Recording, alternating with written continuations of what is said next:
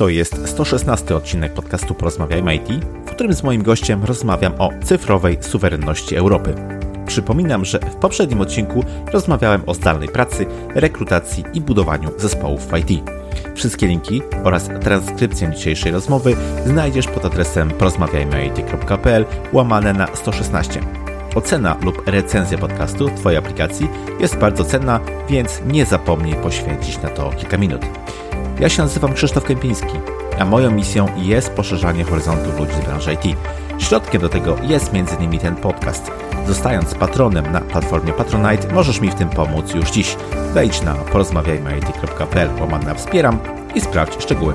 Jednocześnie bardzo dziękuję moim obecnym patronom. A teraz życzę Ci już miłego słuchania. Odpalamy. Cześć, moim gościem jest Head of Marketing CE w Aruba Cloud, doświadczony menadżer odpowiedzialny za rozwiązania produktowe, strategie marketingowe oraz sprzedażowe, ich wdrażanie i realizacją. Od ponad 15 lat związany z branżą IT, prywatnie pasjonat nowych technologii mobilnych, cloud computingu, cyber security oraz technologii blockchain. Moim waszym gościem jest Marcin Zmaczyński. Cześć Marcin, miło mi gościcie w podcaście. Cześć, witam serdecznie Krzysztof Ciebie i Twoich słuchaczy. Dużo ostatnio mówi i robi się w obszarze chmury, w obszarze w ogóle cyfryzacji. No i jeśli sobie właśnie o tym myślimy, to najczęściej przychodzą nam na myśl dostawcy tych usług gdzieś tam za oceanu. Może się pojawić pytanie, ale co z Europą? I właśnie o cyfrowej suwerenności Europy będę dzisiaj rozmawiał z Marcinem e, w podcaście. Ale zacznijmy od ramowej części e, każdego mojego podcastu, czyli od e, pytania do Ciebie, Marcin, czy słuchasz podcastów? Jeśli tak, to może masz jakąś listę swoich ulubionych, którymi możesz się podzielić ze słuchaczami. Krzysztof, tak, słucham podcastów, jak najbardziej. Kiedyś słuchałem trochę więcej, ponieważ częściej jeździłem samochodem e, lub pociągiem, jeżeli chodzi o konferencje. E, obecnie moja praca, jak większości osób w branży IT, jest głównie sfokusowana na pracy przy komputerze. E, przez co w trakcie pracy nie słucham podcastów, ze względu na to, że pracuję tym samym urządzeniem, którym odbieram podcasty, czyli mózgiem, więc muszę hmm. mieć go raczej, jest monochromatyczny, jeżeli chodzi o to. E, natomiast bardzo często słucham sobie podcastów po pracy, e, w różnych sytuacjach.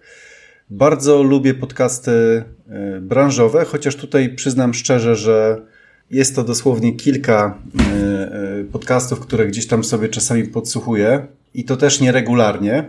Z podcastów, które, które gdzieś tam y, czasami sobie słucham, to jest y, Biznes w IT na przykład. Dosyć fajny jest podcast też, y, y, który się nazywa Porozmawiajmy o IT, czyli Twój własny, Krzysztofa Kępińskiego. E, dlatego to się, e, tak, tak, e, ciekawie, ciekawie i przystępnie opisujesz pewne tematy związane z branżą i zawsze lubię posłuchać, jak to, jak to wygląda z drugiej strony. Ciekawy jest też DevTalk, to już taki trochę bardziej zaawansowany. Ze swojej takiej branży jeszcze marketingowej to jest Marketing Manager 2.0, które też czasami lubię posłuchać, który ma bardzo ciekawych gości i, i warto się czegoś od nich nauczyć. Natomiast poza tym lubię słuchać podcastów związanych związanych z moją pasją podróży, czyli podcastów, e, które opisują sytuację w, innym, e, w innych regionach świata, ponieważ uważam, że nasze media niestety są dosyć skąpe w tym temacie. Mm, bardzo fajnym podcastem jest e, dział zagraniczny, Macieja Okraszewskiego, no i bardzo też lubię Drzazgi Świata, E, Kamily Kielar. To jest taki podcast, który opisuje mm, ciekawe tematy dotyczące różnego rodzaju sytuacji globalnych w różnych zakątkach świata, o których często milczą tak zwane media głównego nurtu. Okej, okay, dzięki wielkie. Tego ostatniego nie, nie znałem, z chęcią sobie e, spojrzę. Dzięki za podzielenie się swoimi, swoimi e, podcastami, które gdzieś tam trafiają do Twojej głowy. Super.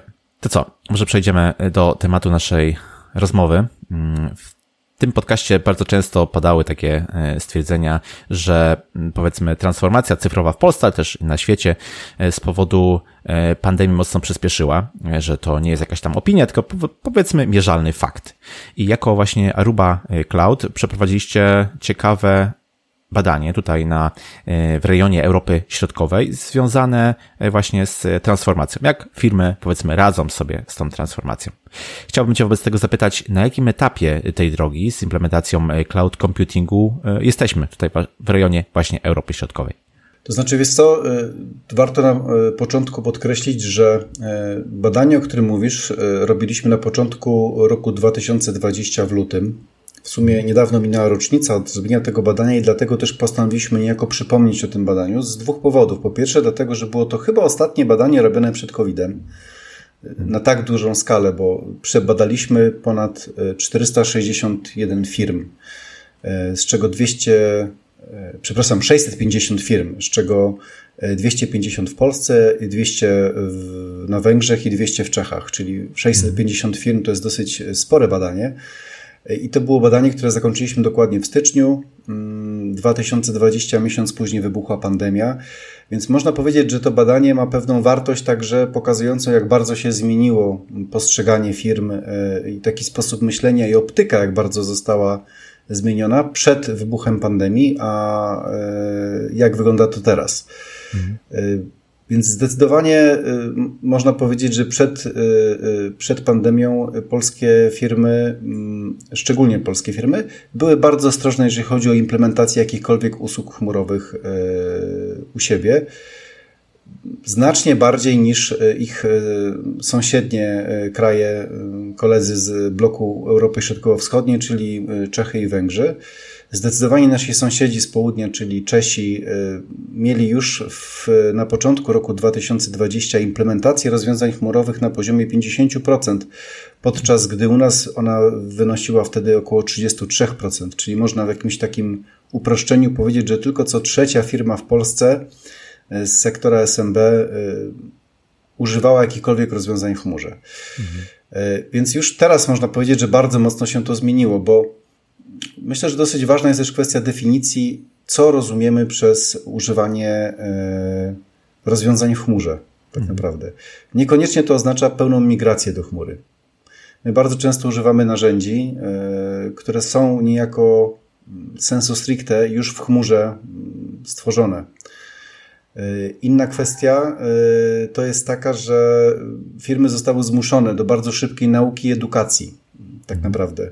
W momencie, kiedy zostały pozamykane biura, w momencie, kiedy nagle okazało się, że praca biurowa jest niemożliwa, firmy musiały bardzo szybko, po pierwsze, przestawić się na pracę zdalną, przestawić pracowników na pracę zdalną, zdecydować się na jakie e, narzędzia, usługi będą wykorzystywane do poszczególnych e, czynności typu komunikatorów, typu narzędzia związane do szerowania e, plików jakichś wspólnych firmowych, do komunikacji, Y, jakie kwestia zabezpieczenia sieci, skoro wszyscy będą pracowali poza siecią firmową, będą się łączyli ze swoich jakichś zewnętrznych Wi-Fi e, sieci lokalnych. To wszystko musiało bardzo szybko zostać e, przygotowane przez firmę. Część firm się z tego wiązała bardzo dobrze, część firm nie. E, były na ten temat robione badania Kasperskiego w kwietniu jeszcze 2000 20 w zeszłym roku, czyli można powiedzieć dwa miesiące po wybuchu pandemii, gdzie okazało się, że no niestety bardzo wiele firm po prostu działało ad hocowo i mhm. dopiero po pewnym czasie e, pozwolił, znaczy dało pracownikom odpowiednie narzędzie do pracy. Bardzo często pracownicy pracowali na swoich własnych komputerach i tak dalej. Więc jeżeli chodzi o temat chmury, to można powiedzieć, że firmy przeszły do chmury w sposób taki e, może nie bezpośredni, ale w sposób pośredni, korzystając z y, narzędzi, które były niejako w chmurze, bardzo często przekazując swoje dane już do chmury, bo jeżeli mówimy o na przykład szerowaniu plików y, na dysku zewnętrznym jakimś wirtualnym, tak, y, który mhm. został wykupiony, jeżeli mówimy o współdzieleniu pewnych zasobów danych, czy projektów na przykład, które mm, siedzą niejako w rozwiązaniach e, zewnętrznych w chmurze, to tak naprawdę bardzo często te tak zwane sensitive data, czyli te cenne dane już były niejako w sposób świadomy przez, e, przez firmy wynoszone na zewnątrz. Więc na pewno pandemia przyspieszyła proces migracji do chmury w sposób pośredni, Natomiast w pierwszym etapie myślę, że jeżeli chodzi o sposób bezpośredniej migracji, czy, czyli takie migracje swoich zasobów z y, infrastruktury on-premise do infrastruktury chmurowej, to raczej zostało to y, zablokowane z tego względu, że firmy do końca nie wiedziały, co będzie dalej, jak dalej pandemia się potoczy. Bardziej były zajęte działaniem y, takim day by day po prostu, czyli przygotowaniem się do sytuacji, jaka jest.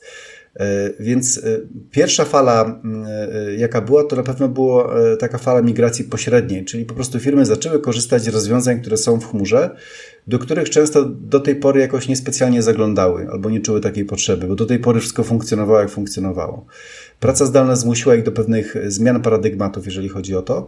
I to jest na pewno bardzo pozytywne. I kiedy zobaczyli, zobaczyły, że no nie taka chmura straszna, jak, jak im się wydawało, mm, no to też pomogło im to mm, podjąć kolejne decyzje, jeżeli chodzi o kwestie migracji. Myślę, że, że ten proces będziemy bardzo mocno e, widzieli, ale oczywiście mhm. niektóre problemy związane z migracją dalej pozostają. To bez dwóch mhm. zdań. Tak. No i właśnie, Jestem ciekaw, czy e, z tego badania i czy też e, z Twojej obserwacji rynku wynika jakiś taki spójny obraz tego, co przyciąga, a co odpycha firmy to jest naszego regionu do, do chmury? Czy to jest jakoś zależne od, od kraju, czy też może to są wspólne, wspólne elementy, które tutaj działają na, na korzyść, na powiedzmy pewne benefity, które firmy chcą osiągnąć poprzez tą migrację, albo właśnie te, te obawy, czy, czy możesz się podzielić jakimiś rzeczami, które zaobserwowaliście w tym temacie? Wiesz co, y, nasze badanie pokazało jasno i wyraźnie, że mm, bardzo dużo firm e, odczuwa, szczególnie w Polsce, bo w porównaniu z y, naszymi sąsiadami, tutaj ten lęk jest u nas największy w Polsce. To jest lęk przed hmm. przekazaniem danych na zewnątrz, utratą hmm. pewnej kontroli nad danymi. Takie podejście, że, że dopóki dane są na przykład na moim serwerze, który mam gdzieś tam pod stołem, to te dane są bezpieczne, bo ja w każdej hmm. chwili mogę dotknąć tego serwera i ja czuję, że mam nad tym kontrolę. E, a nie wiem, kto gdzieś tam mm, pracuje i kto będzie miał dostęp do tych danych, kiedy one będą w chmurze. Więc myślę, że z jednej strony firmy deklarowały w naszym badaniu, że widzą jeden z największych plusów chmury to właśnie bezpieczeństwo danych, ale jednocześnie obawiały się o to bezpieczeństwo danych. Czyli ten dualizm racjonalno-emocjonalny był bardzo mocno widziany przez nas, to znaczy racjonalnie firmy wiedziały, że dane są bezpieczne w chmurze, w chmurze natomiast z drugiej strony bały się o utratę tych danych, e, mhm. właśnie przekazując je do rozwiązań chmurowych. I tutaj e, myślę, że bardzo dużą rolą jest jeszcze kwestia edukacji, bo powiedzmy sobie szczerze, bardzo często słowo chmura było nadużywane i to taki, mhm. czasami robił się taki niebezpieczny buzzword, po prostu chmura, chmura. I myślę, że to był jakiś taka, to jest jakaś taka kwestia edukacji, która musi jeszcze zostać e, e, dobrze poprowadzona i jest prowadzona i myślę, że e, pandemia w tym bardzo mogła, bardzo mocno pomogła, mhm. żeby pomóc przedsiębiorcom w Polsce zrozumieć, co to znaczy, czym jest tak naprawdę chmura, jakie usługi wchodzą w skład w chmury, bo mówię, nazwanie czegoś tak bardzo ogólnikowo nie do końca jest pomocne w jaki sposób ta chmura rzeczywiście może pomóc w optymalizacji ich biznesu, bo to nie jest tylko kwestia oszczędności tak naprawdę, ale wielu innych mhm. rzeczy, tak, e, tak szczerze powiedziawszy. I myślę, że pandemia trochę pokazała, bo e, firmy nagle zrozumiały, że, urząd, że, że usługi, które zostały im często e, zaoferowane nawet za darmo przez niektórych dostawców, na przykład jeśli chodzi o komunikatory, to są usługi, które od samego początku działają w chmurze. I nagle firmy zrozumiały, że nie muszą kupować infrastruktury do tego, żeby zainstalować taki komunikator wideo streamingowy u siebie, że to wszystko tak naprawdę jest po prostu gdzieś tam i oni się nie muszą o tym w ogóle martwić. E, niektóre firmy zrozumiały, że nauczyły się, co to znaczy dług technologiczny, że na przykład, y, kurczę, nie mogą pozbyć się problemu tak zwanego długu technologicznego, czyli kwestii, czy wymieniamy, ile wymieniamy, ile musimy kupić, jak estymować tak naprawdę. E, więc y, bardzo wiele tego typu rozwiązań i tak zwanego zamrażania kapitału mm, chmura po prostu najzwyczajniej w świecie rozwiązuje. Bardzo dużo odpowiedzialności schodzi e, z ramion przedsiębiorcy e, na, no niejako na barki, na barki dostawcy chmury. I to jest, to jest mega, mega pozytywna rzecz, którą firmy zaczęły dostrzegać w okresie, pande, w okresie pandemii. Natomiast myślę, że ta kwestia lęku, jeżeli chodzi o, o utraty danych, no niestety dalej gdzieś tam jest y, i ona będzie oczywiście y, przez odpowiednią edukację y, zdejmowana. Natomiast tutaj też trzeba bardzo mocno uważać, żeby nie podchodzić do tego zero-jedynkowo, tak? bo mhm. dosyć głośno ostatnio było o, o, o pożarze centrum danych jednego z dostawców usług, między innymi chmury. No wyjątkowe nieszczęście się wydarzyło tak naprawdę. Niektórzy klienci także w Polsce potracili swoje dane niestety, bo mhm. spłonęły fizycznie dyski i, i po prostu pewne dane są nie do odzyskania.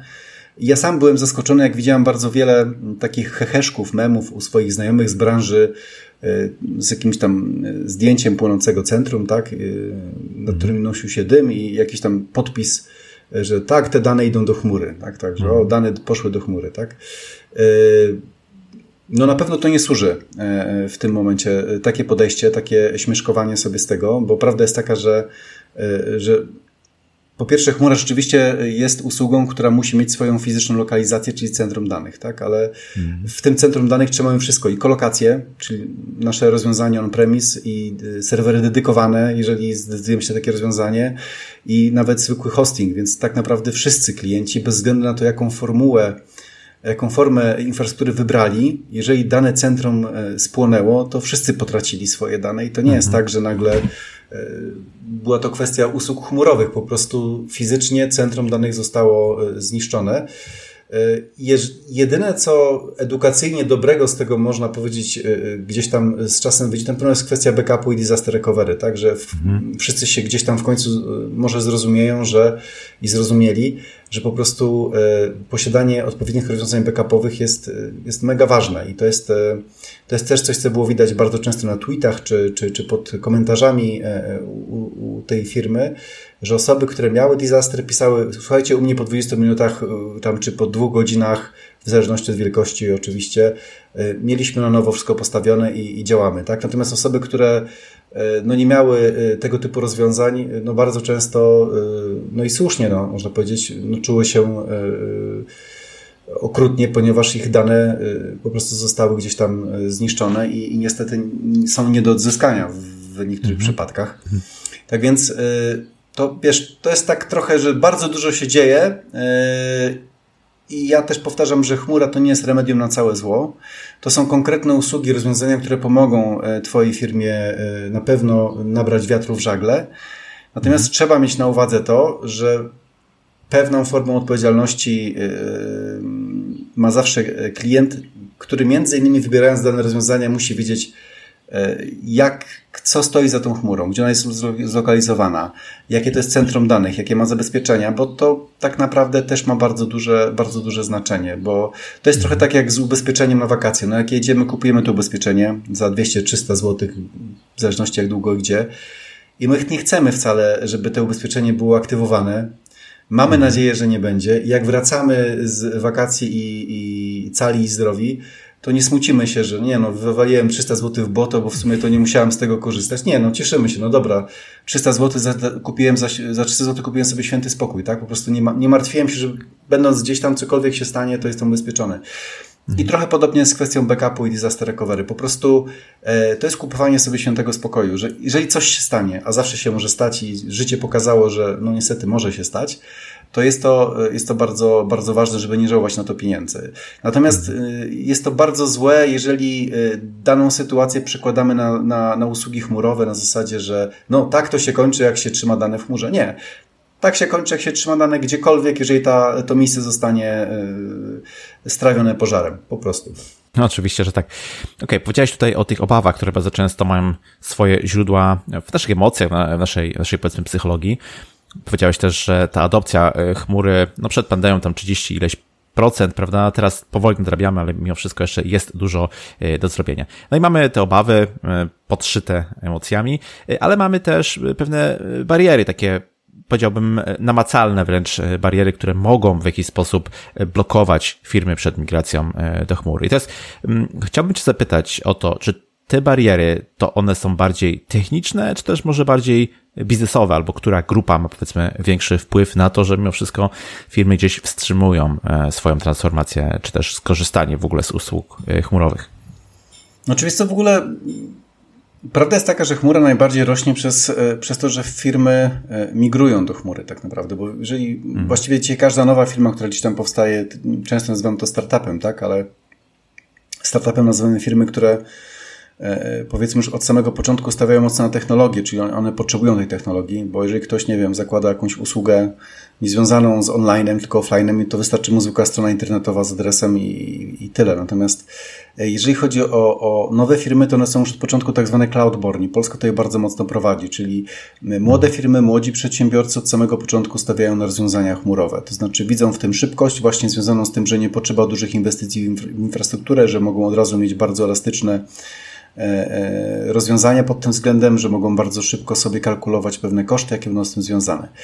E, barierę mają firmy, które przez wiele lat po prostu działały na zasadzie on-premise i to jest całkiem zrozumiałe. Po pierwsze, mm, czasami trzeba po prostu uczciwie zrobić y, remament swoich danych, to znaczy zastanowić się ewentualnie, co zmigrować do chmury. Bo ja też uważam, że nie wszystko warto. To nie jest tak, że migracja do chmury to, to jest wszystko naraz, tylko przede wszystkim róbmy to etapami. Zobaczmy, jakie mamy dane, które dane możemy zmigrować, które dane na przykład ze względów jakichś prawnych, legislacyjnych jest to wątpliwe i lepiej tego po prostu na razie nie ruszać. No i później następuje kwestia, kiedy już wiemy na przykład, że chcemy dane typu A zmigrować do chmury, a dane typu B i C na razie zostawić.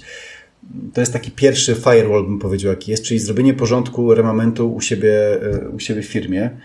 E, niektóre dane są jakieś mocno powiązane z jakimiś in-house'owymi rozwiązaniami software'owymi, do których nikt nie ma dokumentacji, każdy się boi tego tknąć, bo z której strony się tego nie tknie, to E, to nie wiadomo, a osoba, która to kiedyś napisała, już dawno nie pracuje na przykład w firmie. No, różne historie słyszeliśmy i widzieliśmy, więc po prostu wiemy, jak to jest. Tak.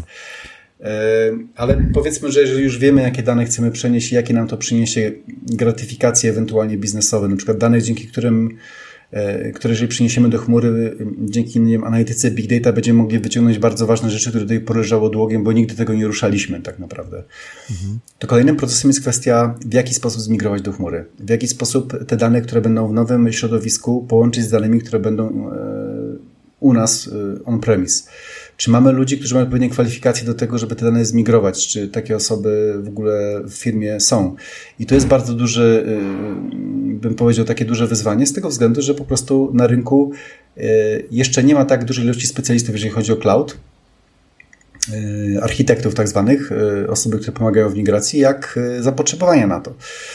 I myślę, że tu jest, tu jest bardzo duży taki bloker, My jako Aruba w tym momencie współpracujemy z e, kilkoma firmami, które zajmują się taką migracją i budowaniem architektury chmurowej, jak na przykład Kylos. E, więc mamy takich partnerów do, e, do tego typu rozwiązań. Mhm. Bo bardzo często nasi klienci po prostu mówią nam otwarcie, że chętnie byśmy na przykład zmigrowali część do chmury prywatnej, ale za bardzo nie wiemy, jak to zrobić.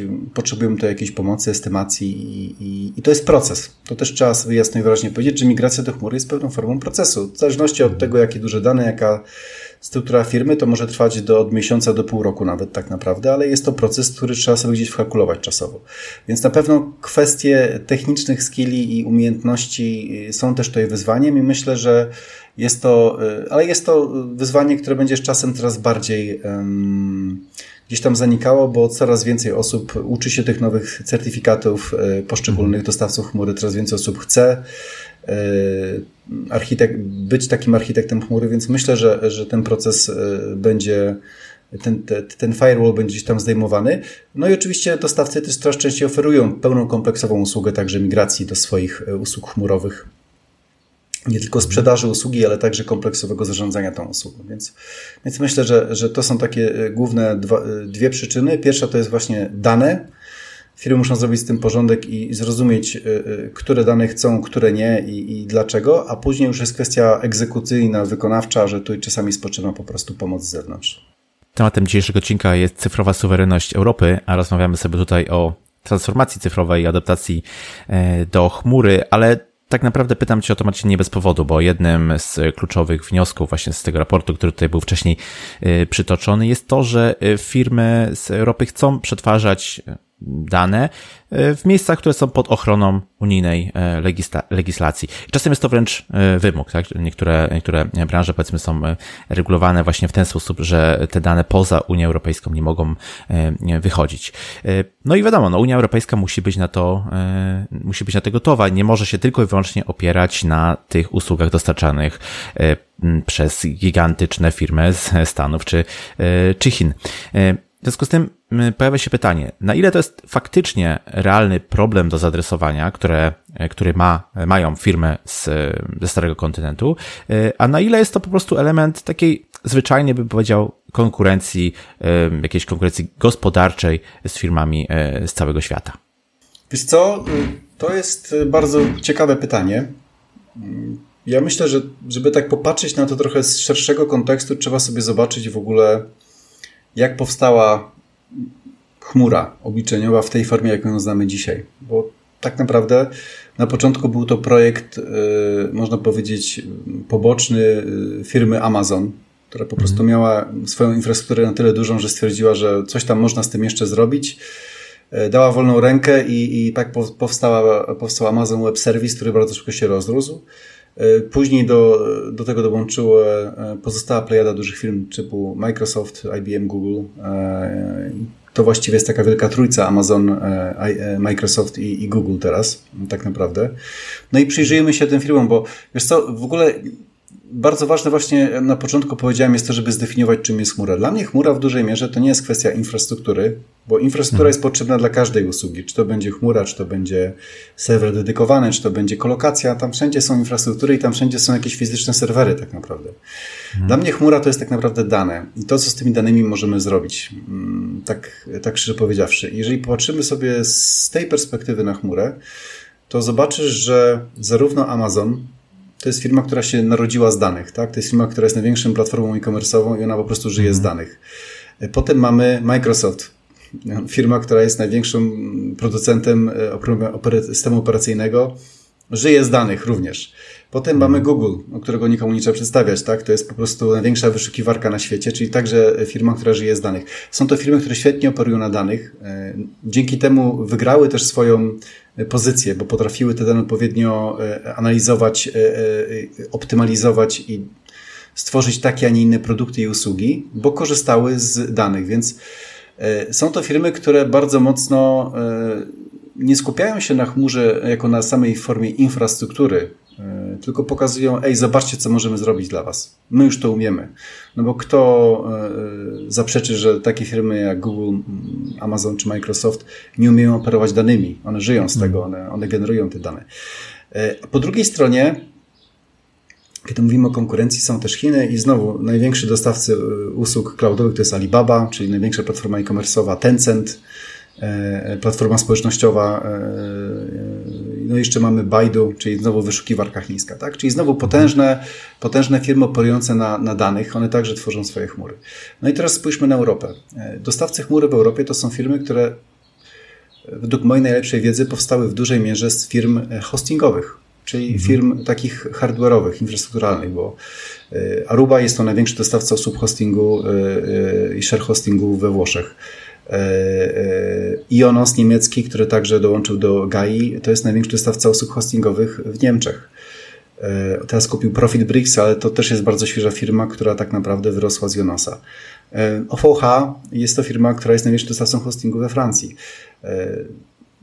Te firmy zajęły niszę rynku cloudowego w Europie z tego względu, że my nie mieliśmy takich, do, takich graczy na miarę Google'a, na miarę Microsoftu w Europie. E, więc firmy, które zajmowały się głównie, no powiedziałbym to trochę blachami, tak szczerze powiedziawszy, e, zajęły się kwestią chmury. I, e, I to jest największe wyzwanie Europy tak naprawdę, z tego względu, że że walka nie będzie się toczyła o kwestię infrastruktury na zasadzie, jakie serwery będą pod tą chmurą, tylko jakie usługi my w tej chmurze zaoferujemy klientom, tak naprawdę. I te mhm. usługi będą bazowały wokół danych. Big data, machine learning, deep learning to są, to są tematy, które będą rozwijały chmurę w sposób niespotykany e, do dzisiaj. E, z tego względu, że ilość danych, która będzie rosła, będzie o kilkaset procent większa za kilka lat niż, niż jest teraz.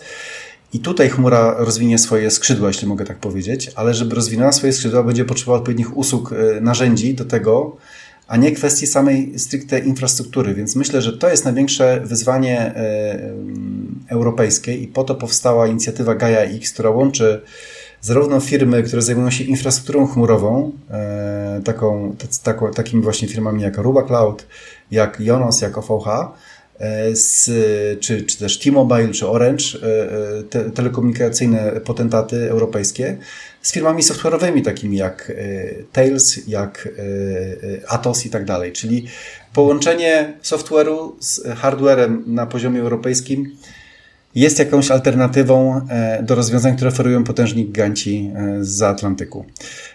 I myślę, że jest to niezwykle potrzebna inicjatywa. Jest to też duże wyzwanie tak naprawdę, ale no, cyfrowa gospodarka europejska musi się opierać na pewnych e, europejskich podstawach, żeby być niezale- zachować pełną, pełną swoją niezależność tak naprawdę. A będzie to potrzebne, bo ta gospodarka cyfrowa dopiero rośnie, ale ona za kilka, kilkanaście lat swoją wartością prawdopodobnie przebije wartość gospodarki obecnej, która funkcjonuje. No właśnie, Europa powoli zauważa ten problem, o którym powiedziałeś, że, że brak jest być może takich e, firm, e, gigantów technologicznych, które by na tych danych były e, oparte i właśnie w ten sposób kreowały to podejście do chmury, które, które tutaj opisywałeś. I od, w związku z tym od 2019 roku mówi się i pracuje się nad projektem Gaia, o którym tutaj chwilę powiedziałeś. Chciałbym, żebyś nieco więcej może powiedział, czym ten projekt jest, jak powstał, komu ma pomóc, w jaki sposób. Znaczy, wiesz to, ten, ten projekt jest odpowiedzią na to, na zmieniającą się sytuację e, gospodarczą przede wszystkim. Znaczy na to, że rośnie gospodarka cyfrowa i ta gospodarka cyfrowa ma ogromne znaczenie, będzie miała ogromne znaczenie dla Europy także. I że dane są pewną formą, no nie chcę powiedzieć, że Europa przespała pewne rzeczy, bo może jest to zbyt, e, jest to nadużycie, ale na pewno nie, nie była liderem ani e, innowatorem, jeżeli chodzi o to. I teraz po prostu staramy się odrobić nasze zadanie domowe i myślę, że ta inicjatywa Gaia X jest inicjatywą niezwykle ważną i, i potrzebną. Ona na początku powstała z ramienia Komisji Europejskiej, e, właściwie e, francusko-niemieckiego rządu. Na początku to firmy z Francji i, i z Niemczech gdzieś tam zaczęły do tego dołączać. Bardzo szybko jednak zostało to e, zaproszeni do tego zostały wszyscy członkowie Unii Europejskiej, jeżeli chodzi o firmy. Plusem tego jest to, że powstało to. Y, dużym, dużym wyzwaniem jest to, że tak wiele firm jest skupionych wokół tego projektu. Jest to projekt trochę bym powiedział z ramienia politycznej. Teraz pytanie, na ile uda się wypracować wspólny kierunek dla tego projektu, bo to w przypadku dużych korporacji wystarczy podpis y, prezesa lub decyzja rady członków zarządu, tak, jeżeli chodzi o kierunek i wtedy wszystkie ręce na pokład i idziemy w jednym kierunku. Tutaj sytuacja wygląda trochę inaczej. E, myślę, że te rozmowy i kwestia decyzyjności może być trochę dłuższa, e, ale jest to w ramach e, pewnej strategii Unii Europejskiej, jeżeli chodzi o Europę cyfrową do lat, na lata 2020, 20, 30, 2030 roku, więc myślę, że pewne ramy zostały nakreślone. Jak to się y, w praktyce y, wszystko okaże, no to myślę, że bardzo dużo zależy od y, współpracy między krajami tak naprawdę. Tak? No dużą wartością GAI X jest to, że ta kwestia suwerenności, otwartości, redundancji, ale też takiej możliwości szybkiej migracji od jednego dostawcy do drugiego, czyli takiej niezależności klienta, że, że nie jest przy, przyspawany do jednego dostawcy chmury, jest czymś bardzo pozytywnym. Natomiast myślę, że ta nakładka software'owa, która, która niejako nastąpi, czyli dołączenie firm software'owych do, do rozwiązań chmurowych, będzie rzeczą krytyczną tak naprawdę, bo my musimy jako Europa przygotować rozwiązania na skalę gospodarki cyfrowej za kilka lat. I to mhm. jeszcze teraz powiedzmy tego tak bardzo nie widać, ale już za kilka lat to będzie bardzo mocno widoczne. A musimy też pamiętać o tym, że big data uczy się i optymalizuje najlepiej przy dużych ilości danych, y, zbiorów. Wtedy to mhm. właśnie doskonali swój algorytm i, i robi się coraz lepszy. No i mm, jak sumujemy sobie wszystkie nasze dwadzieścia parę rynków e, europejskich, to takie zbiory możemy zebrać, ale już widać bardzo jasno i wyraźnie, że na przykład algorytmy chińskie czy amerykańskie, które mają e, dane ileś tam milionów e, swoich odbiorców, na, na pewno mogą być bardzo mocno zaawansowane i to będzie taki, myślę, duży, duże wyzwanie dla europejskich, dla europejskich firm. Jakiś czas temu na portalu zdnet.com pisało się o tym, że ta europejska infrastruktura właśnie tworzona w ramach projektu Gaia X y, ma powiedzmy jakieś tam równorzędne szanse, żeby konkurować z tymi wielkimi graczami, o których powiedziałeś, z Amazonem, Googlem czy Microsoftem, o ile uda się ją w pełni y, uruchomić powiedzmy do połowy 2021 roku. Na jakim etapie obecnie y, jesteśmy? Czy to ma szansę na powodzenie?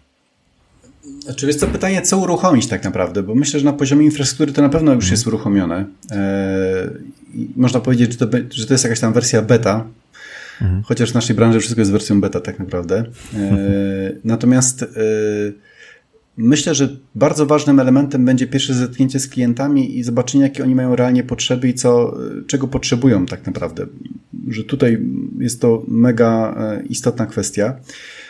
Inną rzeczą jest też to, że ja bym tego terminu nie traktował aż tak, aż tak do, dosłownie, że jak, jeżeli to nie będzie, bo pamiętajmy też, że COVID bardzo dużo pozmieniał pod tym kątem, że wiele planów, wiele projektów gdzieś tam się przesunęło i to też trzeba brać pod uwagę, jeżeli chodzi o kwestię GAI X tak naprawdę, że z wieloma innymi rzeczami się boryka cały czas Europa, też na poziomie cyfrowym, biorąc pod uwagę pandemię i, i to, to też trzeba wziąć pod uwagę. Natomiast moim zdaniem jest to projekt, który jest potrzebny do pewnej, do pewnej alternatywy, która Europie jest niezbędna, żeby zachować pewną swoją taką suwerenność.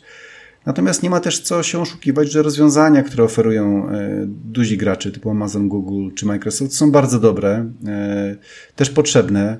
Te firmy inwestują też potężne pieniądze w rozwój swoich centrów danych w Europie tutaj. E, Google właśnie otworzył centrum danych w Warszawie. E, Microsoft także planuje otworzyć. E, więc ciężko w tym momencie udawać, że, że my tych usług nie chcemy, jeżeli chodzi o, usługi graczy amerykańskich, bo jak najbardziej. One też będą na naszym rynku i one też już teraz cieszą się dużą popularnością. Natomiast Gaia X ma być pewną kwestią takiego e, bufora, tak bym to mhm. określił, e, dla niektórych firm i pewnej, e, pewnego dobrego rozwiązania dla koncepcji multi-cloudu, bo to też jest bardzo ważne, że mhm. w ogóle w procesie migracji warto, warto nie stawiać na jednego konia. To znaczy warto mieć rozwiązania przynajmniej u kilku dostawców w taki sposób, żeby w łatwy i prosty sposób można było swoje dane po prostu zmigrować od jednego do drugiego, Kwestia tutaj, w jaki sposób, czy to będą Kubernetesy, czy to będzie jakakolwiek inna forma e, rozwiązania, to jest e, poboczny temat. Natomiast ogólnie w tak zwanym Zero Trust Policy e, regulaminie jest no jest wskazane, że dobrze mieć jednak wersję multi-cloudu, czyli przynajmniej dwóch dostawców, odrębnych dostawców chmury i tutaj dobrze, żeby jeden z nich był europejskim dostawcą po prostu. I mhm. tutaj Gaia X myślę będzie miała swoje, tylko to też trzeba pamiętać, że GAIX to będzie konsorcjum wielu firm. To nie jest tak, że to będzie jedna firma. Tak. E, tylko też w GAIX firmy będą ze sobą na poziomie europejskim konkurować. To nie jest tak, że my hmm. będziemy pukali do konkurencji i proszę bardzo, tutaj lead dla was. E, no nie, konkurencja dalej będzie. I to też będzie tworzyło pewne wyzwanie, w jaki sposób zachować pewien, pewną spójność w formacie GAIX, a jednocześnie, a jednocześnie zachować ciągłość biznesową, jeżeli chodzi o przychody. No właśnie, konkurencja nie śpi i e, takie wydarzenia, o których ty powiedziałeś, czyli na przykład nowy region Warszawa, Google Cloud, e, podobne planowane rzeczy ze strony e, Microsoftu. No właśnie, czy one coś zmieniają w temacie naszej rozmowy? Czy być może ten problem pod tytułem nieprzetwarzanie danych poza Unią Europejską nie zostanie jednak w jakiś sposób zadresowany poprzez na przykład takie lokalne tutaj centra danych? Znaczy myślę, że na pewno w jakiś sposób to rozwiązuje ten problem, to znaczy kwestia chyba nawet dzisiaj oficjalnie e, wiceprezes, e, jeżeli się nie mylę, Microsoftu e, powiedział oficjalnie, że wprowadzają jeszcze bardziej restrykcyjną kwestię prawną, jeżeli chodzi o przetwarzanie danych z obszaru Unii Europejskiej na terenie wspólnoty. Mhm. Pan Brad Smith potwierdził, że wchodzą, wychodzą poza dotychczasowe deklaracje dotyczące przechowywania danych E, dane te nie będą musiały być przenoszone poza obszar Unii Europejskiej. E, chodzi o wszystkie usługi, które są e, głównymi usługami chmurowymi. Microsoft, czyli Azure, Microsoft 365 i Dynamics. Mhm. Więc myślę, że jest to odpowiedź na pewną sytuację, że Europa postawiła pewien szlaban i zaczęła mocno się przyglądać temu, co się dzieje z ich danymi i ta odpowiedź dużych graczy, którzy wdrażają pewne rozwiązania też na poziomie technologicznym, które nie są tanie nagle, żeby, żeby jednak mhm. rzeczywiście dane europejskie były tylko i wyłącznie utrzymywane e, na terenie Unii Europejskiej, e, jest jakąś odpowiedzią. Natomiast myślę, że nie przeszkodzi to rozwojowi samemu e, GAI X z tego względu, że tak jak mówię, mm, firmy typu Microsoft, Google na stałe zagościły i zagoszczą, w, jeżeli chodzi o usługi cloud w Europie bez dwóch zdań.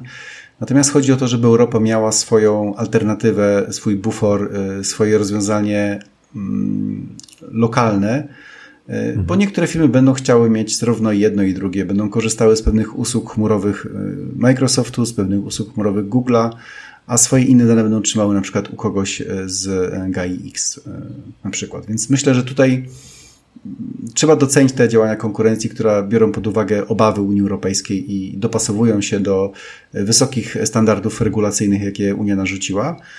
Natomiast myślę, że, że to nie tylko chodzi o kwestie regulacji prawnych, jeżeli chodzi o, o kwestię posiadania własnej europejskiej infrastruktury dla naszych danych. Po prostu.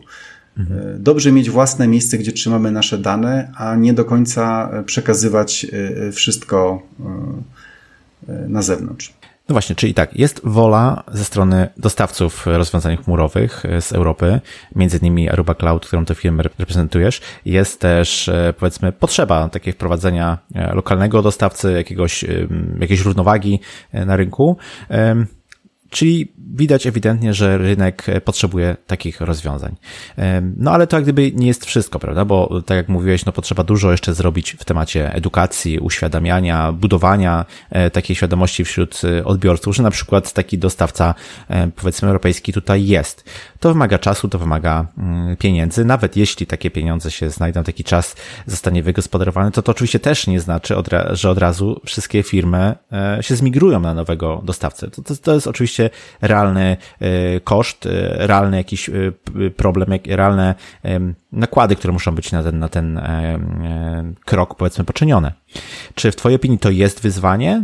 A jeśli tak, to, to jak planujecie sobie poradzić, powiedzmy, jak planujecie zachęcić na przykład firmy, które obecnie korzystają z dostawców, powiedziałbym, z oceanu, po to, żeby na przykład zmigrowali się na rozwiązania tutaj lokalne, europejskie? Tak jak mówię, myślę, że e, klienci, którzy się już e, świadomie migrują do jakiegoś dużego gracza, wiedzą dokładnie, co robią i dlaczego. I tutaj też e, nie można. Tu nie chodzi o wyrywanie sobie nawzajem jakiegoś tam koszyczka. Bardziej chodzi o to, żeby budować taką komplementarną świadomość klienta, jeżeli chodzi o jego infrastrukturę w chmurze, że dobrze mieć na przykład usługę multi-cloud, czyli Przykładowo, jeżeli ma rozwiązania big data u konkurencji A, e, u konkurencji e, B na przykład ma swój, nie wiem, e, rozwiązania pocztowe, serwer pocztowy i cokolwiek innego, to dobrze, żeby na przykład backup zbudował sobie tego wszystkiego gdzie indziej na przykład, tak? Czyli nie chodzi o to, żeby wyrywać mhm. komuś zrób analitykę u nas, bo jest lepsza, no chyba, że będziemy mieli lepsze narzędzie lub rozwiązania, tylko bardziej o budowanie takiej pełnej świadomości.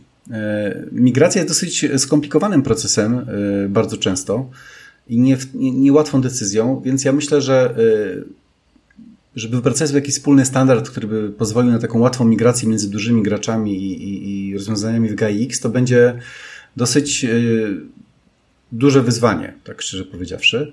E, myślę, że migracja pomiędzy dostawcami GAIA-X będzie dosyć prosta, bo to jest jeden z postulatów e, samej GAIA-X tak naprawdę, żeby to było proste i, i, przyjazne dla klienta przede wszystkim, tak? Czyli nie ma tego vendor locka, takiego trzymania mhm. kogoś, że skoro się do nas przeniosłeś, to już teraz e, wejść możesz łatwo, natomiast z wyjściem to oj, droga przez mękę, tak? Mhm. Bo to jest takie trochę działanie szkodzące klientowi. E, I tutaj na pewno, jeżeli chodzi o Gaia X, to chcemy, e, to jest jeden z postulatów, który na pewno będzie mocno, e, mocno respektowany. Myślę, że duzi gracze też do tego się dołączą, natomiast nie chciałbym się za nich wypowiadać, jak to wygląda, bo też nie znam ich dokładnie systemu infrastruktury, więc nie czuję się osobą mhm. kompetentną. Natomiast na pewno kwestia Venderlocka w przypadku GAIX jest bardzo, jest bardzo istotna. Natomiast ja myślę, wiesz co, że tu chodzi bardziej o budowanie takiej, takiej edukacji i wiedzy. Ja myślę też, że bardzo dużą rolą e, tak naprawdę w pozyskiwaniu e, i zachęcaniu klientów do migracji będzie budowanie relacji z nimi, tak naprawdę. Relacji na zasadzie e, takiej pomocy w no, rozwijaniu ich biznesu tak naprawdę. Czyli pokazywaniu, jakimi narzędziami można rozwijać, w jaki sposób można rozwijać, co można zrobić lepiej, Jeżeli klient będzie miał problem, to w tym momencie podejście, to jest w sumie zresztą bardzo ważne, uważam, bo to jest siła tych mniejszych firm, że potrafią być bardziej elastyczne na poziomie supportu niż duże korporacje na przykład. Tak? Duże korporacje mają fajne rozwiązania, często pod kątem tego, że wydają to ogromne pieniądze i mają na to ogromne R&D i potrafią stworzyć naprawdę fajne rzeczy, ale czasami ten support jest bardzo ważny, a te wszystkie super rzeczy, które mają mm, duże firmy niekoniecznie muszą być tym, czego akurat dana firma potrzebuje. Ona potrzebuje czasami być może tylko jednego e, czy dwóch usług z tego wszystkiego i te usługi u nas też będzie miała dostępne. Nie potrzebuje tych 15 różnych, e, które tam jeszcze czy 20 jest, natomiast potrzebuje dobrego supportu, mieć pewność, że jeżeli trzeba e, prosić o pomoc, to pomoc dostanie, a nie będzie z ticketem odsyłana w nieskończoność na przykład, tak? Mhm. E, więc myślę, że ta lokalność pod kątem supportu, pod kątem też zrozumienia kultury e, jest akurat siłą e, graczy, graczy lokalnych i bardziej będziemy chcieli pod tym względem budować relacje z klientami w taki sposób, niż mówieniem, że nasz, nasza usługa Big Data jest lepsza niż tam usługa konkurencji, mhm. bo ja myślę, że tutaj pod tym względem to klient sam będzie miał swój rozum i będzie wybierał. Myślę, że po prostu są jeszcze inne rzeczy, które, które mają znaczenie e, tak naprawdę dla klienta w takim, w takim business continuity, w takim day by day działaniu. Czasami te drobne rzeczy e, mają większe znaczenie niż te tak zwane czasami wodotryski, e, mhm. które są pokazywane, a które czasami no nie dla każdych firm akurat są konieczne, tak? Bo mówmy się, bardzo wiele narzędzi big data są, będą świetne dla na przykład firm z sektora enterprise, ale niekoniecznie dla firm z sektora SMB po prostu. Kwestia skali. Pewnie, pewnie. Okej, okay, mówimy tutaj o perspektywie e, firm na ten problem. E, przedstawiłeś też, jak to może wyglądać z punktu widzenia e, dostawców tego typu usług. Jest jeszcze perspektywa osób, które tworzą te rozwiązania, deweloperów, inżynierów, powiedzmy, którzy zajmują się tworzeniem właśnie rozwiązań, architektury, e, infrastruktury i tak dalej. No, my tutaj jako Polska mamy dosyć mocną, mam wrażenie, pozycję, ponieważ wielu inżynierów, e, wielu architektów z naszego kraju pracuje dla czołowych e, firm dostarczających usługi z obszaru cloud computingu. Chciałbym Cię zapytać, czy według Ciebie te osoby będą zainteresowane, żeby na przykład zmieniać e, pracę i wspierać tej firmy europejskie e, w tej, w tej pracy, czy praca dla, dla firm nierzadko mniejszych niż te, niż te e, czołowe może być dla nich atrakcyjna? No więc to na pewno będzie to wyzwanie na, na różnych poziomach, ale ja myślę, że też nie ma co przesadzać, bo kiedy patrzymy sobie, ile jest firm które zajmują się infra, szeroko pojętą infrastrukturą, także cloudową e, mhm. na polskim rynku, a jest ich sporo, integratorów na przykład chociażby, którzy mają pracowników, którzy znają świetnie technologię dużych graczy cloudowych i z jakiegoś powodu, powodu nie przechodzą do nich, tylko pracują w tych firmach. Wskazuje, że można spokojnie e, takich wysokiej klasy specjalistów e, czymś zatrzymać u siebie i nie każdy z nich chce pracować dla dużej korporacji. E, nie dla każdego jest to jakiś e, wyznacznik. E, ci, którzy chcą, to na pewno mm, znajdą taką pracę, bo zapotrzebowanie jest bardzo duże. Natomiast sam osobiście znam bardzo wielu, którym dobrze jest na przykład pracowanie w mniejszych firmach z tego względu, że mają tam korzystniejszą sytuację, nawet nie finansową, ale wiele, wiele różnych innych, mhm. które na przykład nie lubią pewnego, pewnych korporacyjnych rzeczy, które są narzucane bardzo mocno z góry globalnie i, i wolą pracować w bardziej takim luźniejszym stylu e, swojej pracy. E, a w też mogą się rozwijać w tych technologiach, ponieważ mają kontakt z tymi technologiami, przez to, że na przykład pracują u integratorów. I to nie jest tak, że jeżeli nie pracujesz, no nie wiem, u Google'a, to nie, nie, nie, masz dostępu do technologii Google'a, bo Google sam zachęca do robienia certyfikatów różnego rodzaju, tak? I tak. tak naprawdę każdy może zrobić taki certyfikat i wcale nie musi w tym momencie pracować e, w Google, natomiast może pracować w wielu innych firmach, e, które mają, e, które mają kontakt z taką, z taką technologią, więc więc myślę, że tutaj y, jest to bardziej kwestia, jeżeli ktoś lubi pracować w korporacjach, to na pewno niedługo, czy już teraz ma bardzo wiele ofert y, tego typu, bo to widać wyraźnie na LinkedInie czy na innych portalach, ale jeżeli ktoś po prostu lubi technologię, a niekoniecznie y, chce pracować w danej kulturze korporacyjnej, to myślę, że też znajdzie po prostu swoje miejsce. Więc Aruba nie jest firmą korporacyjną, jesteśmy firmą e, rodzinną, e, chociaż bardzo dużą, ale bez kultury korporacyjnej, co mogę potwierdzić osobiście. Więc pytanie, kto co lubi. Hmm. Oczywiście, pewnie, że tak. Jestem e, ciekawy, czy takie projekty właśnie jak GAIX, czy też podobne, które być może w przyszłości się pojawią, no będą jakoś ograniczone, czy będą miały z definicji obszar działania właśnie tutaj na starym kontynencie, a na ile powiedzmy będą próby wyjścia jednak na świat.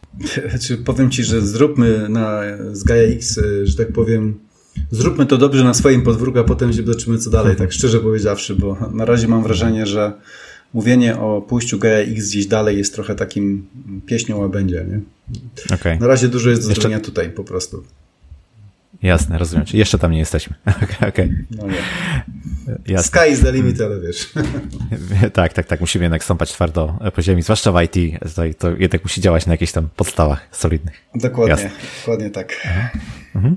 E, okej, okay. no mówiliśmy tutaj o Unii Europejskiej. Mówiliśmy o tym, że Unia jest zaangażowana w jakiś sposób, powiedzmy, finansowo, legis legislacyjnie i powiedzmy zainteresowana tym, żeby taką E, cyfrową suwerenność gdzieś mimo wszystko e, utrzymywać. Czy to są jakieś takie realne działania, które na przykład obserwujesz jako osoba z branży, czy też na razie to jest takie wsparcie duchowe bardziej niż, niż materialne?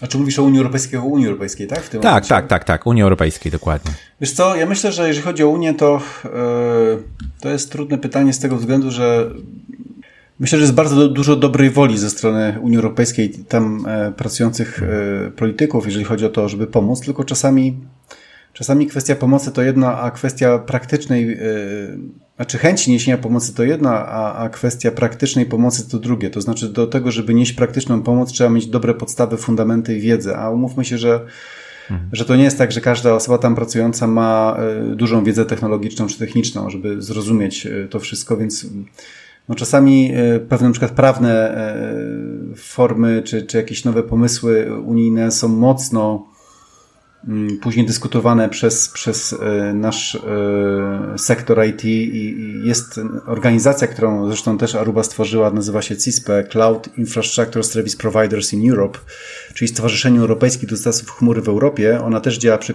przy, przy Komisji Europejskiej Cyfryzacji no musiała kilka pomysłów Unii mocno, kilka pomysłów Komisji mocno prostować z tego względu, że same pomysły były, mm, na przykład chodziło o kwestię odpowiedzialności za E, odpowiedzialności za dane, mhm. gdzie komisja nie do końca rozumiała, że my jako dostawcy chmury nie mamy dostępu do danych i my nie jesteśmy w stanie zdefiniować, co klient wrzuca niejako e, mhm. w tym momencie, bo my nie mamy dostępu, tam chodziło o jakieś nielegalne dane, tak? czy jakieś dane, które są kontrowersyjne. E, na początku komisja chciała to tym obarczyć dostawców e, odpowiedzialnością mhm. za to i gdzieś tam trzeba było tłumaczyć na, na poziomie takim bardzo basicowym, że e, ok, my dostarczamy infrastrukturę na dane, natomiast my nie mamy dostępu do tych danych, my nie możemy zweryfikować tych danych bez zgody, bez zgody, bez zgody klienta.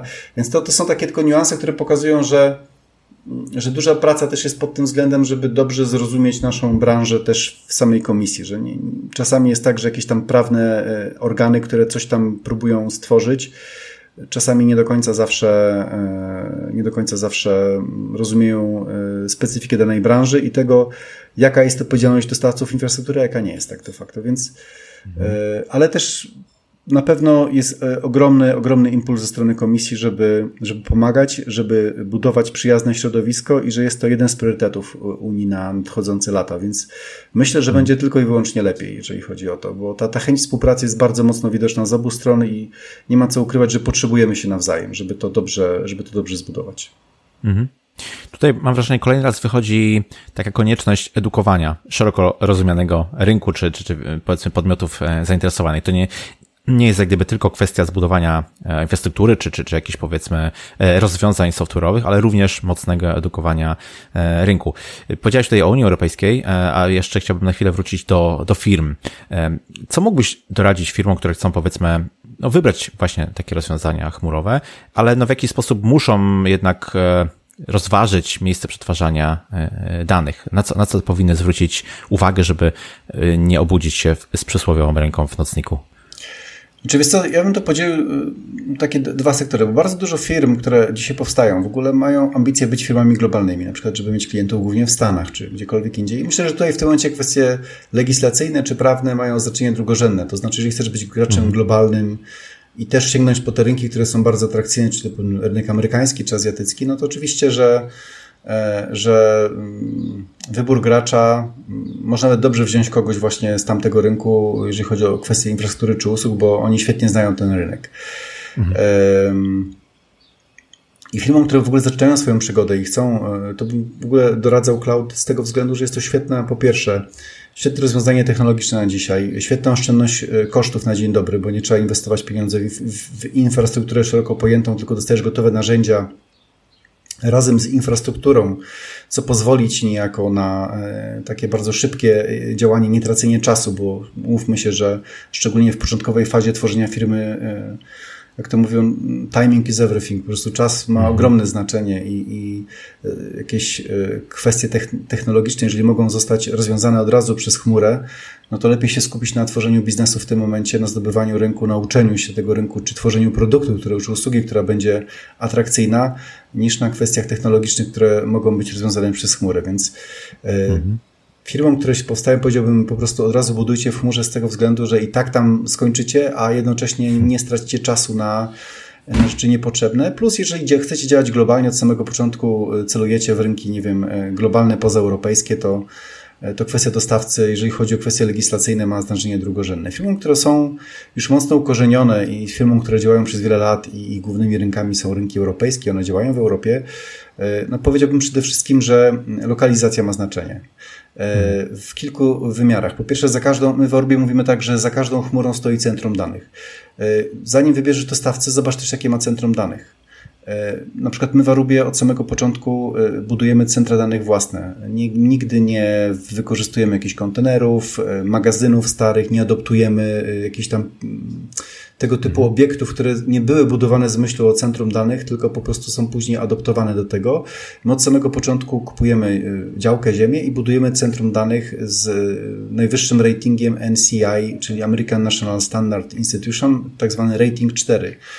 E, to jest e, taki rating, który właściwie gwarantuje Ci, że nic w tym centrum danych się stać nie może. Znaczy, jakiś wypadek w znaczeniu coś może nie zadziałać, natomiast nie będzie eskalacji takiej, która by doprowadziła na przykład do jakiegoś, nie wiem, no właśnie pożaru, zalania, mhm. czegokolwiek innego, tak? E, do, do zniszczenia fizycznego urządzeń. Po prostu jest to realnie niemożliwe. Więc zobacz, jakie to jest centrum danych. Czy ma jakieś certyfikaty? Czy tych certyfikatów nie ma? Bo tak jak pokazują e, właśnie sytuacje z niedalekiej przeszłości, e, to ma znaczenie, jakie centrum, w jakim centrum danych stoi Twój sprzęt, czy to będzie sprzęt na poziomie e, kolokacji, czy na poziomie chmury, to bez znaczenia, po prostu gdzie stoi i jak to jest zabezpieczone. Przyjrzyj się temu, jeżeli chcesz się przenieść, w, przenieść swoje rzeczy niejako w nowe miejsce. Druga kwestia to jest kwestia właśnie no, prawna, czyli uważam, że że warto wybierać legislację europejską, bo wtedy masz gwarancję stuprocentową, że Twoje dane nie będą niejako wydane na zewnątrz, bo, bo prawo unijne, muszę powiedzieć, jest jednym z najbardziej restrykcyjnych praw, o wiele bardziej niż amerykańskie czy, czy jakiekolwiek inne. I mhm. akurat to jest dobre dla przedsiębiorstw, bo mają taką gwarancję, że, że to prawo ich chroni. Po mhm. trzecie, zastanów się, co chcesz przenieść do chmury i dlaczego. To znaczy, tak jak mówię, zrób porządek z swoimi danymi, zastanów się, czy E, co jest e, Twoim celem? Czy celem jest kwestia zmniejszenia kosztów, czy pozbycia się długu technologicznego, E, czy kwestia wykorzystania danych, które do tej pory nie wykorzystywałeś e, i chcesz coś z nimi zrobić tak naprawdę. Albo tworzysz jakiś nowy, nową usługę albo nowo, nowy sektor i chcesz to rozpocząć w chmurze, a starego jeszcze nie ruszać. Jest bardzo dużych, e, bardzo dużo tej, takich kwestii, które trzeba po prostu na spokojnie sobie rozważyć. Być może zaprosić kogoś z zewnątrz, który by zrobił taki porządek, bo czasami ciężko jest to zrobić samemu czyli firmę, która, taką konsultingową, która zrobi Ci e, porządny research swoich danych i, i, powie, co jest do migracji, co nie jest do migracji też pod kątem legislacyjnym, na przykład, żeby nie zrobić sobie jakiegoś mhm. tej strzału w kolano.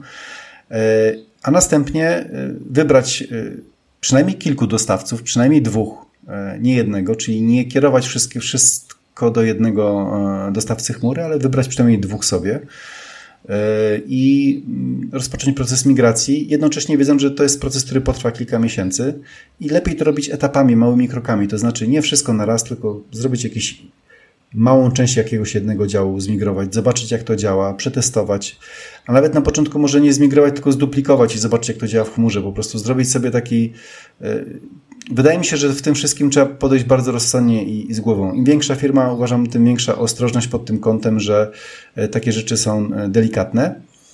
Mm, polecam integratorów, polecam e, dostawców, którzy proponu, proponują i, i, oferują tego typu pomoc przy migracji.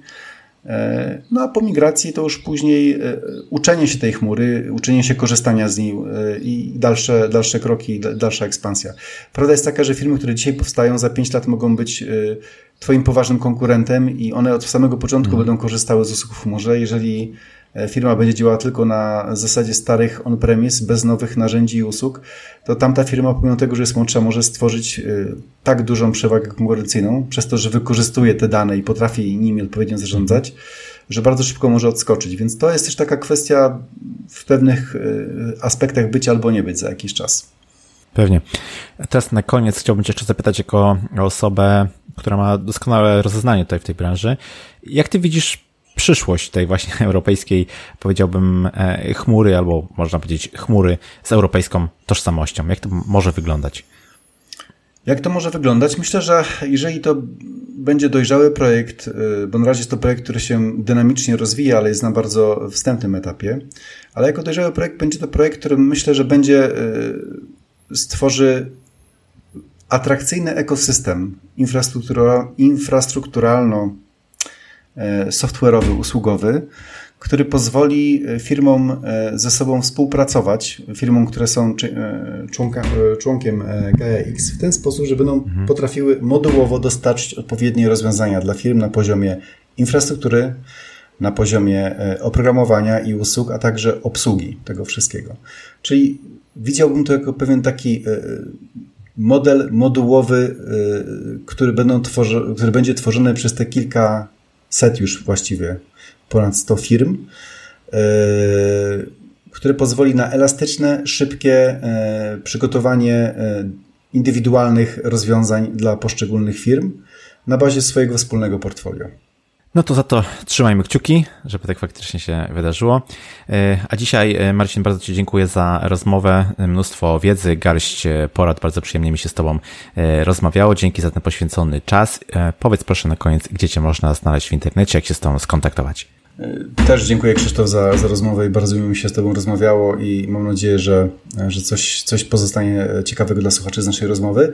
E, mnie można znaleźć na LinkedInie e, i na Twitterze, tam gdzie się czasami udzielam. E, LinkedIn M. Zmaczyński, znaczy Marcin.zmaczyński, Twitter E, slash m zmaczyński i tam zapraszam do ewentualnego e, kontaktu albo napisać na mój adres mailowy marcin.zmaczyński arubacloud.pl Świetnie, oczywiście wszystkie linki jak zawsze będą w dodatce do tego odcinka. Z mojej strony Marcin, jeszcze raz bardzo Ci dziękuję i do usłyszenia. Cześć. Dzięki serdeczne, cześć. I to na tyle z tego, co przygotowałem dla Ciebie na dzisiaj. Znaczenia chmury obliczeniowej nie da się już kwestionować. Cieszę się, że jako Europa zaczynamy zauważać strategiczne znaczenie cyfrowej suwerenności i że europejskie firmy, takie jak Aruba Cloud, współpracują nad stworzeniem szeroko rozumianych rozwiązań chmurowych na naszym lokalnym rynku. Jeśli ten odcinek był dla Ciebie interesujący i przydatny, odwdzięcz się proszę recenzją, oceną lub komentarzem w social mediach.